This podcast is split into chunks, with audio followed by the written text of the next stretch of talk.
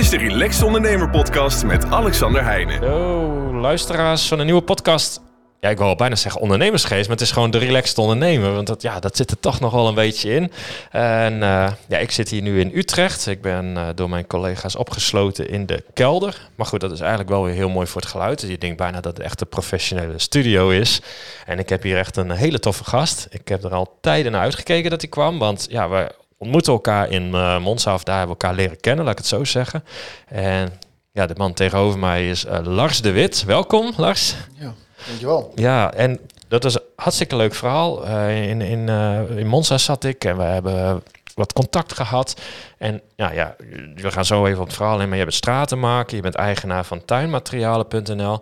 En ja, heel mooi verhaal. En toen dacht ik, ja, oké, okay, prima. Toen hoorde ik je omzetcijfers, ergens rond de 4 miljoen dit jaar. En dat, dat groeit als kool. Toen dacht ik, hè? Oké. Okay. Ik zeg, nou, ja, moet even, we moeten eens even op de koffie. Dat vind ik zo'n mooi verhaal. En je bent nog maar 28, dus nog hartstikke jong. En, en toen ben ik je even gaan opzoeken. Nou, dat is een fantastisch verhaal. Maar ja, Lars, uh, ja, ik weet niet eens waar we moeten beginnen, want het is zoveel. Dus laten we gewoon eens even beginnen bij welkom.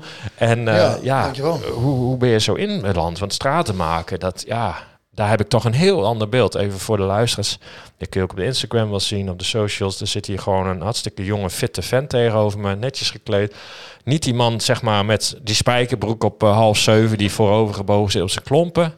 Dus er zit, je hebt niet het beeld wat ik heb bij straten maken. En dat maakt het zo mooi. En alles wat je doet is zo niet wat ik in mijn gedachten heb bij een straten maken. Dus, dus, dus ben jij ook stratenmaker? Laten we daar gewoon mee beginnen. Heb je dat wel eens gedaan? Hè? Ja, ja, zeker. ja, ja, ja.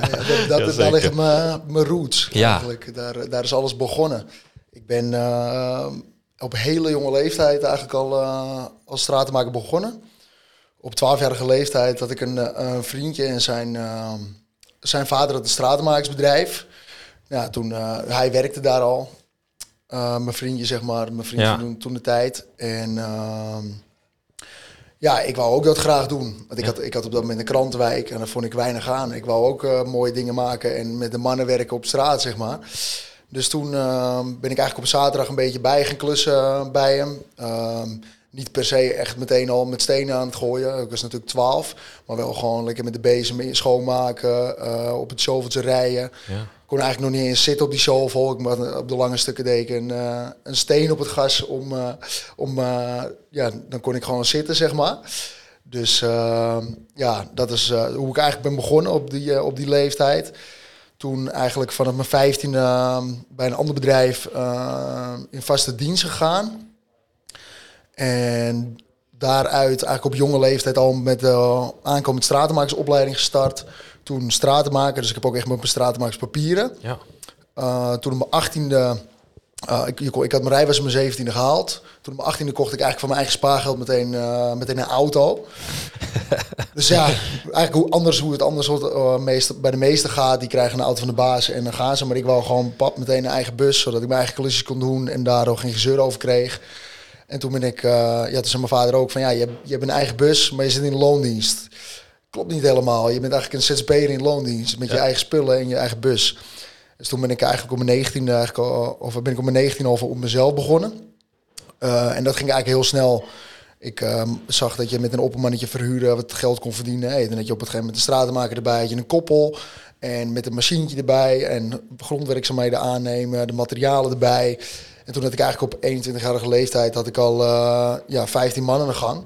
Dus, dus wacht even, want je gaat nu uh, bijna zo snel, alsof het normaal is. Maar ja. dus je bent een jaar of 19 en dan denk je, hé, hey, wacht even, als ik nou dat mannetje is daar neer, je hoort iemand en, en je hoort daar ergens een klusje. En toen dacht je, hé, hey, dus eigenlijk was je ook gewoon een soort detacheringsbureautje er al bij. Ja, ja. eigenlijk, het, is, het is detacheren, ja, als, je, als je mensen doorhuurt, een soort detacheringsbureautje. Ja. En dat ging eigenlijk allemaal redelijk vanzelf. Um, en toen dacht ik op het gegeven moment, ja, ik wil wel de aannemerij in. Want het detacheren, dat is gewoon dat je koppeltje inhuren, verhuren. Dus dan heb je gewoon je marge ertussen zitten. Ja. En ik wil eigenlijk gewoon de werken aannemen. Dus de hele projecten, gewoon dat je duizend vierkante meter aanneemt en dan de mensen inhuurt. Dus dan deed je niet meer, maar dan zet je ze weg op je eigen projecten. Dus dan, dan is eigenlijk een level up is dat. Ja. Uh, dus toen dacht ik, ja, misschien daar moet je ook geschoold voor zijn. Dus toen ben ik op het gegeven moment uh, de aannemers- en ondernemeropleiding gaan doen met KOB vijf jaar lang, uh, lange opleiding. Dus dan begin je met uitvoerder, calculator, werkvoorbereider. Eigenlijk alle steekjes en kneepjes van het vak wat je nodig hebt om, om aannemer te zijn. Uh, die heb ik daar geleerd. Um, en wat ik vooral geleerd heb daardoor is gewoon de discipline. Dat je gewoon, ja, je, je, moet volhouden. Want als je drie weken, als ik drie weken niet aan school zat en dan liep ik twee maanden, had ik nodig om daar weer bij te benen, zeg maar. Ja. Ja, net met, met ondernemen natuurlijk hetzelfde. Als jij um, ja, je, veel, je social media op orde hebt en je zet drie weken niks op, dan heb je twee maanden nodig om je algoritme weer op orde te krijgen. Kun je weer opnieuw beginnen. Kun je weer opnieuw beginnen. Ja. Dus die discipline, wat, wat we nu heel, heel erg gebruiken in, in, uh, in beide bedrijven, ja, die, uh, en vooral het commitment, dat je gewoon altijd consistent je werk doet en, en je schoolwerk, ja, dat heb ik wel door die combinatie geleerd van mijn bedrijf en die opleiding. Ja, dat vind ik wel grappig. Want dan denk je, je gaat naar zo'n opleiding om allerlei dingen te leren. En eigenlijk het belangrijkste wat je eruit haalt is eigenlijk gewoon het stukje discipline dat is dan het, meeste bijgebleven. ik, ik, ik vind het heel leuk, want ik heb ooit geleerd voor verpleegkundigen. Dus ik ben verpleegkundige. Maar als je dan denkt van ja, wat blijf je dan het meeste bij? Ja, ik, ik zou niet meer weten hoe al die fysiologie en alles, eh, hoe dat werkt. Maar wat mij bij bleef, was gewoon, ja, je kwam naar binnen en ze zeiden, ja, bel die arts maar. En ik, ja, maar die arts stond jullie net allemaal te schofferen. Jullie waren bang voor hem. En dan was het van, ja, je hebt, eh, er moet een receptje komen. Dus bel die vent of die terug wil komen. En dat moest je dan maar doen. Dus ja, ik moest daar alles zien te verkopen. Dus eigenlijk dat soort dingen heb ik daar echt geleerd in dat ziekenhuis, dus bij mijn opleiding. Dat bleef me echt bij. Gewoon wat jij ook zegt, ja, discipline. Ja, eigenlijk heel iets anders. Want ja, je ging er natuurlijk heen om eh, de punten en de commas te leren. Precies, maar ja, daarvan daar dacht ik altijd, ja, dat weet ik allemaal wel. Weet je, waar, wat ik daar echt leerde was dus, dus overal ja, mijn ding te krijgen. Op een bepaalde manier. Dus daar leerde ik echt de sales en die dingen. Dat je denkt, eigenlijk heel gek op een verpleegkundeopleiding. Maar ja. door, door ook echt te doen. Dus dat, ja, dat vind ik wel grappig. Ja. Dus, uh, want, jij, want jij bent dan, denk ik, ja, ben, je, ben je jaar of 21, dan, dan heb jij je, je, je, je MBO, HBO heb je gehaald. Ja, gestart. Dus Vijf, vijf jaar hebben het geduurd. Ja. Tot mijn 26e. Ja. Goed rekenen. Ja, twee jaar En ondertussen was je ook nog gewoon aan het werk als stratenmaker? Ondertussen ik voelde me aan het werk. En op het gegeven moment dat ik geslapen met mijn opleiding had ik, ja, ik denk 25 man aan de gang. Ja. En de opleiding. Dus dat was tegelijk allemaal gaande. Dus ik was dan, ja. het was wel een avondschool, dus dat ja, was goed te combineren. Maar ik was natuurlijk zelf van 7 tot 4 aan het straten. Ja. In de avond was ik de boekhangen aan het doen. Dus daar heb je ook zeker twee of drie avonden voor nodig met 25 man. Ja. Ik, ja, dat, en ik was, deed het ook allemaal op papier. Het was allemaal ouderwets. Uh, ja. Ja. ja, het is gewoon keihard werken. Hoor. Weet je, zeg, ik, ik, deed gewoon eens één keer in de week gewoon zo'n bijscholing. Ik vond dat op een gegeven moment best wel veel.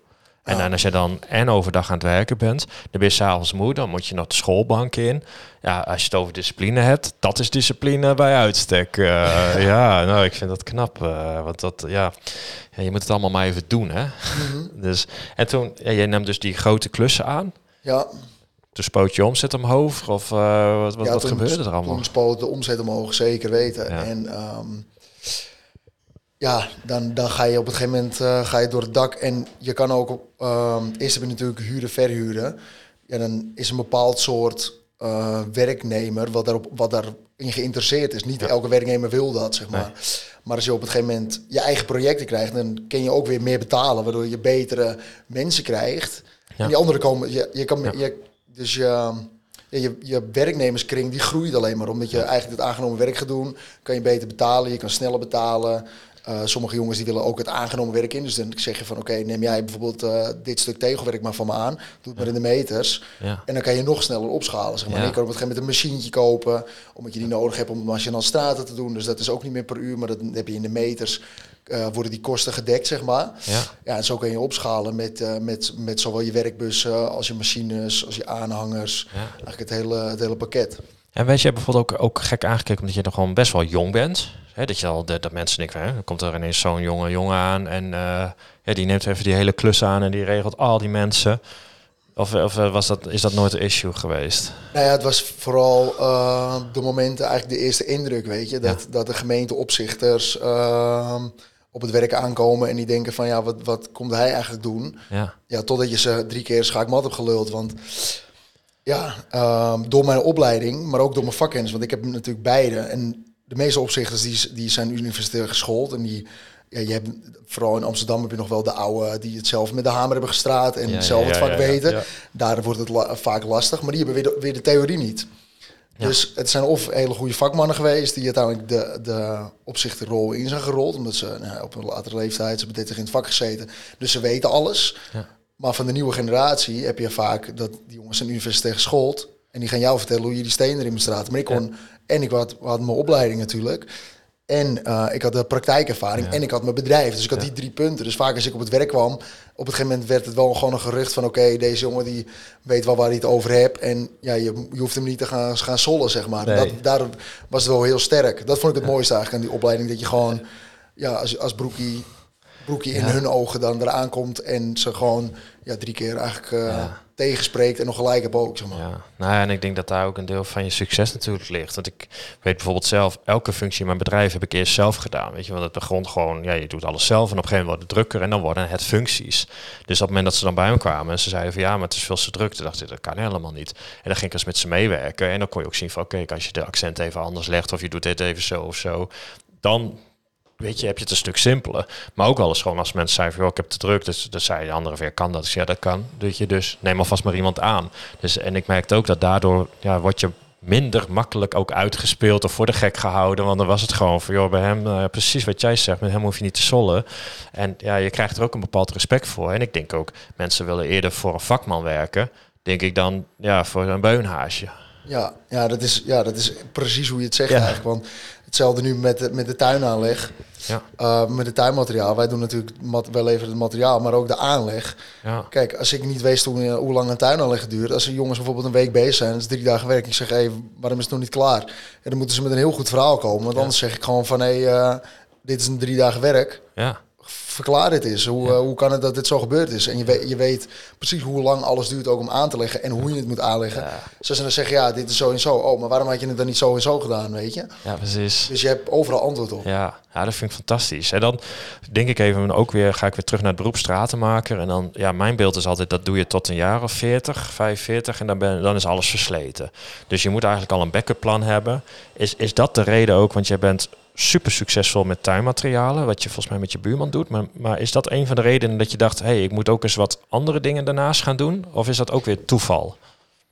Mm, ja, dat is, was niet per se als, uh, als een soort pensioen voor na mijn veders of zo, hoe je het ook moet noemen. Ja. Of, ex, of een, een uh, hoe zeg je dat? Ja, gewoon een andere baan voor, ja, voor, voor, voor mijn veders ik ben eigenlijk begonnen met die opleiding wel met die reden. Mijn vader zei van ja, je moet wel zorgen, je bent op je 40, 45ste, kan je je knie verrot raken of je rug uh, een hernia of noem maar op. Er kan van alles gebeuren. Ik, uh, ja, oh, ik zie het om, om, heb het om me heen zien gebeuren bij andere stratenmakers natuurlijk. Dus toen ben ik die opleiding gaan doen van oké, dan kan ik altijd terugvallen op uitvoerder, op calculator. Ik kan eigenlijk alle kanten kan je dan op het gegeven moment op. Ja. Door, ja, dan spreid je je risico uit. Want als je op het gegeven moment zegt op je 35, oh je voelt je knie uh, bij elke keer als je opstaat knakken. Oké, ik ga nu alvast op te uitvoeren worden. Dan had je dat als backup. Maar ja, maar op het gegeven moment groeide mijn bedrijf zo groot dat ik ook al wist van oké, dit hier kan ik ook, dit is ook mijn backup. Want dan hoef ik zelf niet met straten. En dan stuur ik gewoon de jongens aan. En ja, je begint over mijn buurman, dat is wel grappig. Maar dat is uh, ja, mijn compagnon nu. Ja. Ik uh, heb anti-kraak gewoon met vier vrienden. En dan woon ik met, met een jongen. Engel is mijn compagnon nu. En uh, ja, iedereen zat dan gewoon een borrel te doen op zaterdag. En te praten over, over bijvoorbeeld over voetbal of dat soort dingen. En wij hadden het eigenlijk met z'n tweeën alleen maar over ondernemen. Hij heeft zijn eigen onderneming in, in tuinmeubels. dus hij weet alles van de online branche. En ik heb dan mijn straatmarktbedrijf, dus ik weet alles van de offline branche, uh, hoe je het aan moet leggen. Ik heb het netwerk met de vakmannen en, uh, en dat al, eigenlijk allemaal. Dus dat was eigenlijk de gouden formule. En hij zei altijd al van, ja, we moeten, uh, we moeten Theos gaan verkopen, moeten Theos verkopen. En toen liep een klusje niet helemaal lekker. En toen, ehm, ja, toen, dacht, toen belde ik, belde ik hem op en zei ik eigenlijk van, oké, het is tijd voor plan B. Ja. We gaan, uh, toen zijn we eerst tuinmateriaal.nu hadden we, hadden we gekocht. Okay. Tuinmateriaal.nl was nog bezet. Ja.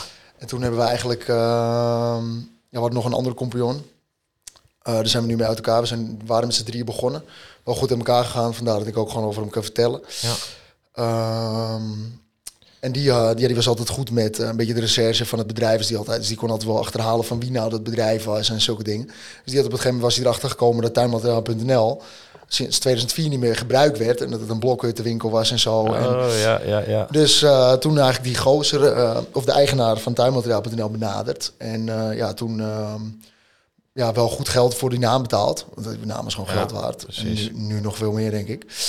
Um, en toen, ehm, ja, toen hadden we alle drie ons geld ingelegd. En toen wisten we, oké, het is Menes. Ja, iedereen, iedereen heeft, ja, het is Menes. We hebben nu geïnvesteerd. Dat was eigenlijk het startschot. Dat was, is twee jaar geleden. En toen ja, toen zijn we begonnen met, uh, met de logo's maken, uh, besturingssystemen zoeken. Ja, wat ga je gebruiken? CS-card, Shopify, al die dingen uitzoeken. En toen januari uh, kwam verkoophandel meteen BV begonnen. We wisten gewoon, we gaan gewoon door het dak. We, beginnen meteen die BV. want Engel en ik hebben, hadden natuurlijk onze holdings al. En ehm, ja, dat was gewoon de makkelijkste weg. En toen eigenlijk in maart eerste verkoop gehad. was de site live, is verkoop. Afgelopen maart? Nee, vorig jaar, vorig maart, jaar 2022. Toen in maart is verkoop gehad. En toen kwamen we er eigenlijk al heel snel achter. We zaten eigenlijk bij Engels thuis. Uh, is ook wel grappig om te vertellen. En uh, bij zijn vader. En op een gegeven moment, ja, we hadden een jongen voor de sales uh, bij ons werken. We hadden een, een, een software developer. Ja. Die hielp mee aan de site bouwen. En dan zit je met vijf jongens, zit je bij met vader thuis. Ja, op een gegeven moment wordt er over de bril geplast. En uh, de walnoten eh, worden uit het bakje opgegeten. En op een gegeven moment ja, wordt het gewoon een zootje. En die man dacht op een gegeven moment... Want wij begonnen om zeven uur ochtends. Ja. En hij ging om uh, acht uur zijn nest uit. En wij zaten er om zeven uur al met z'n vijf. hey, morgen. En dan kwam hij in zijn badjes beneden. Dus dat ging op een gegeven moment... botste dat een beetje. En we hadden ook een locatie nog. Want mensen die wouden heel graag de materialen zien. Ja. Alleen we hadden geen locatie. Want mensen willen gewoon die tegel voelen van wat ga ik in mijn tuin leggen. Precies. ja. Vaak een investering van, uh, van 5000 plus. Ja. Dus wat gaan we erin leggen? Dus uh, toen zijn we eigenlijk, waren we eigenlijk op zoek naar een kantoorruimte. En toen vonden we eigenlijk de locatie in Krommenie. En daar uh, zat, een, zat een grote parkeerplaats achter. Die hebben we helemaal overhoop getrokken in, in negen dagen. En helemaal volgezet met showrekken en showroom was nog in de krant gekomen dat we binnen negen dagen van bankgebouw naar Showtime waren gegaan. dus dat was wel grappig. Dus uh, ja, en toen in rap tempo eigenlijk die winkel uh, geopend. En uh, vanaf daaruit, dat is ook ons hoofdkwartier gewoon nu. En vanaf daaruit opereren we. Ja. toen waren we echt nog business to business gericht. Dus toen waren we echt een platform voor stratenmakers en hoveniers. En dan konden de klanten van de stratenmakers en hoveniers konden bij ons hun theos uitzoeken. Dan kregen de vakmannen alsnog een marge erover. Ja, we waren op het gegeven moment veel businessmodellen tegelijk aan het doen. Dat we 1 januari echt besloten hebben, oké, we gaan gewoon materiaal verkopen, alles voor de tuin. En we leggen alles aan en consumentgericht, zeg maar. Ja.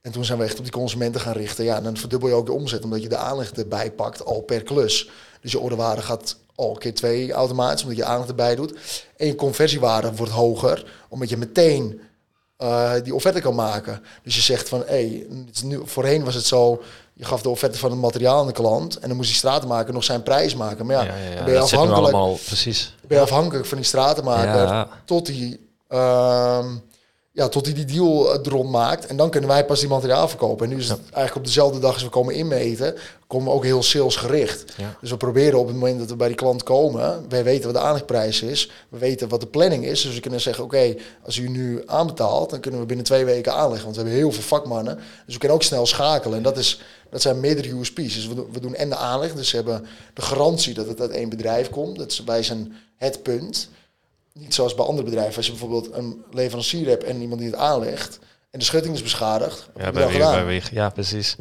Ja. ja, en bij ons is het gewoon zo, je komt bij ons en wij zoeken het wel uit. En als de schutting echt beschadigd is, ja, wij, wij, wij de vakmannen zijn wel verantwoordelijk dat als iets beschadigd is, dankzij ons dat hun het van tevoren aangeven. En als ze het niet aangeven, dan is het hun verantwoording. Dus dat is een stukje zekerheid voor de klant. En je hebt gewoon een aantal vaste vakmensen met wie jullie ook werken. Ja, ja. dat zijn dan eigenlijk... Uh, ja, niet per se ZSP's. En wel meestal jongens die een, een mannetje of tien hebben lopen. Ja. Die bijvoorbeeld iemand hebben die een schutting kan plaatsen. En elektricien. En dat je echt zegt van oké, we kunnen de complete tuin bij één bedrijf uitbesteden. Dat is wel wat het liefste wat we doen. Dus dan hebben we gewoon, en die jongens die zeggen gewoon van oké, ik heb volgende week drie dagen tijd. Plan maar in. En dat kun, daar zo kunnen we heel snel schakelen. Dus we hebben gewoon nu nog een Google agenda. We zijn echt bezig om een heel CRM-systeem uh, te laten bouwen. Ja. Even dat wou ik zeggen, want je hebt geen tuinmaterialen.nl met, uh, met je compagnon.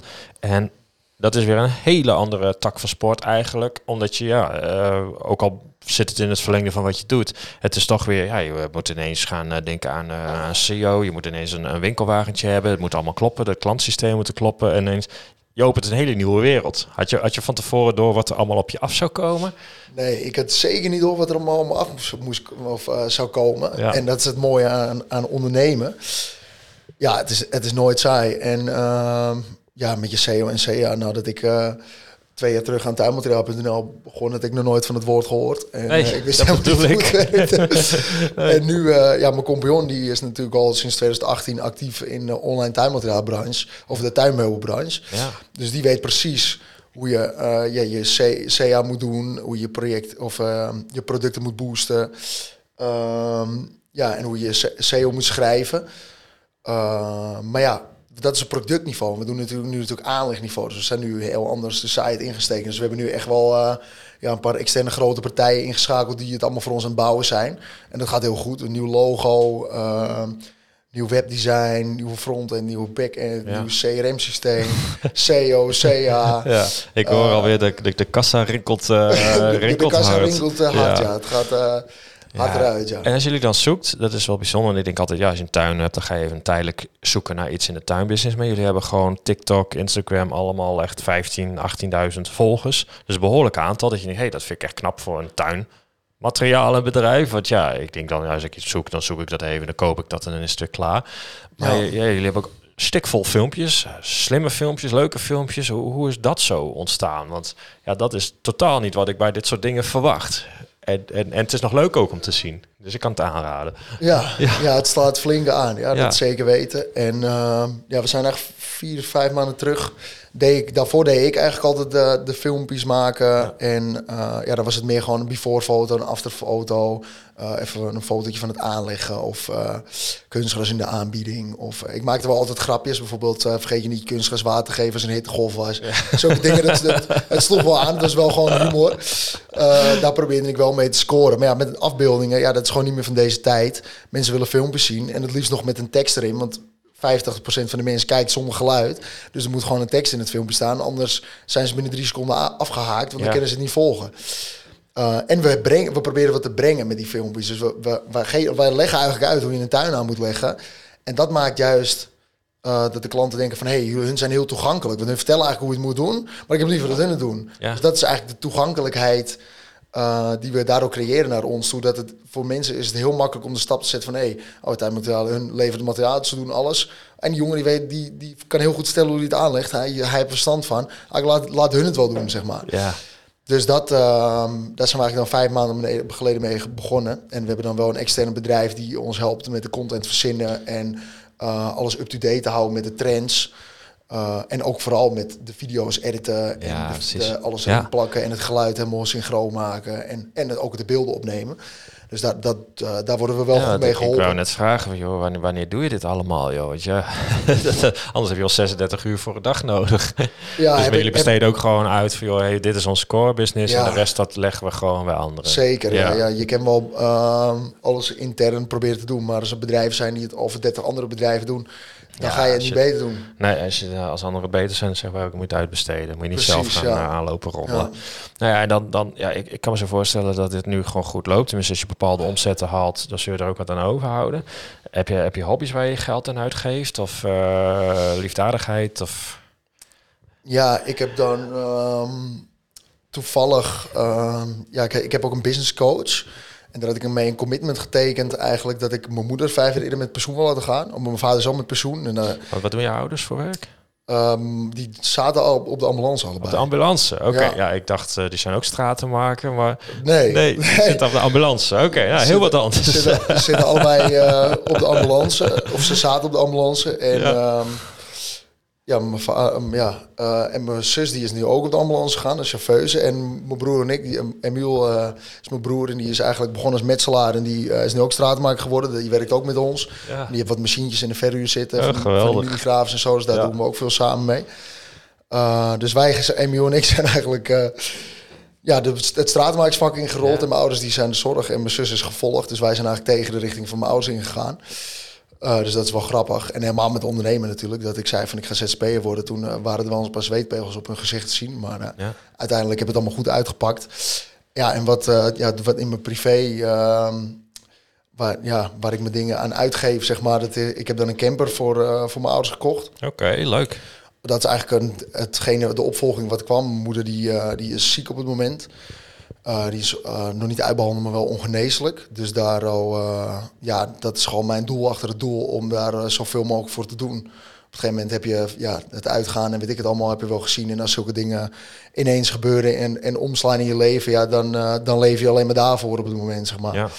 Dus ja, die, ik heb een, een camper gekocht voor, voor mijn ouders dan.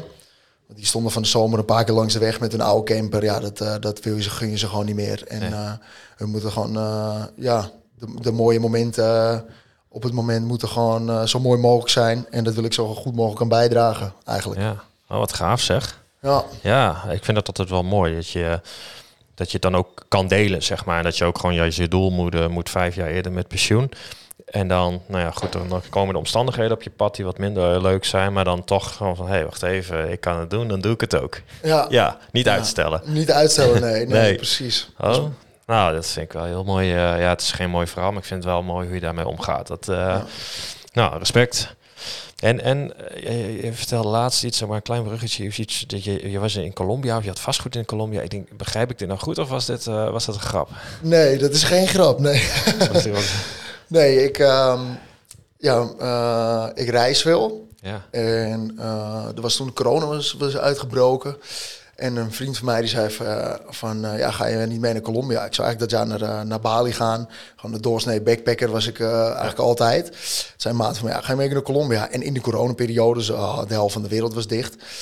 Alleen Colombia niet. Dat je wel af en toe een lockdown. Dan ging bijvoorbeeld in één keer een stad met de auto nieuw ging vier dagen dicht of zo. En, uh, dat hebben wij er niet meegemaakt. Wij waren op de goede plekken, maar sommige steden gingen dan ineens dicht. Ja. En uh, ja, hij was daar al, uh, ja, ook wel een beetje verliefd geworden op een meisje. En uh, had zich al verdiept in, in, in het vastgoed daar. En hij had ook net zo overwaar opgenomen.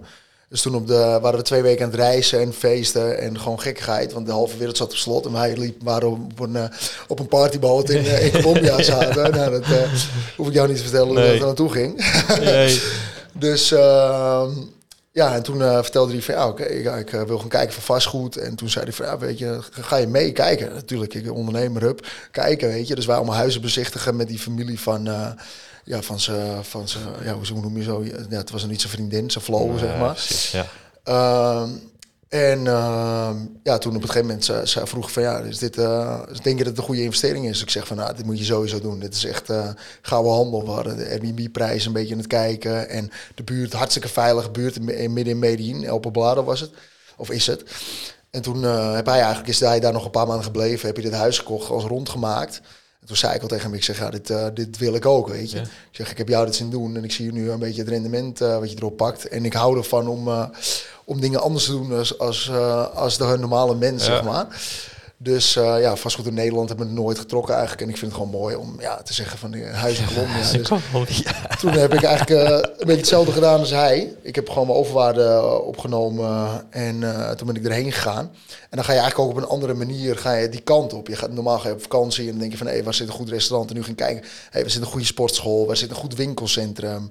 Uh, Zit er een goede uitgaansgelegenheid in de buurt? Zit er een, het business center? Want ik heb nu gekocht in, bij het business center. Er zitten voornamelijk experts. Dus ik zit buiten de partyzone. Dus er zitten veel feestgangers die naar Colombia gaan uh, om, om gas te geven, om het zo maar te zeggen dan. Um, maar daar zit ik buiten. Ik zit meer in het business center. Dus heel veel experts die dan even twee maanden lang boeken. En ja, daardoor heb ik wel stabiele, stabiele huur, huurders erin. En ook eigenlijk nooit schade. En de beheer wordt helemaal geregeld door, uh, door die vriend van me zijn, uh, ja, zijn schoonfamilie. Zeg maar. Als je dit er ook nog weer bij moet doen, dan... Uh... Ik doe eigenlijk helemaal niks eraan. Nee, nou, ja, perfect. Ja, de, de, de huur opbrengst spenderen. Ja, op, ja, opsparen voor het volgende. Dat is, nou, ik... gaaf. Hé. Goh, nou, deze, ik dacht eerst dat je grap had gemaakt. Dus ik moet je er even naar vragen. Nou, leuk. Hey, en als we de tijd eens vooruitspoelen. Want ja, als je nu al in zo'n korte tijd zoveel neerzet... En we, en we gaan hem voor, laten, laten, laten we gewoon eens even één of twee jaar doen. Ik we kunnen wel drie of vier jaar zeggen, maar ja, eh, in drie jaar tijd heb je je omzet uh, meer dan verdubbeld. Dus, uh, dus ja, laten we nu maar gewoon eens het bij anderhalf, twee jaar houden. Wat, wat zijn de ambities? Ja, wat zijn de ambities? Ja, we willen sowieso zo snel mogelijk de vestiging die we nu hebben op zichzelf laten staan.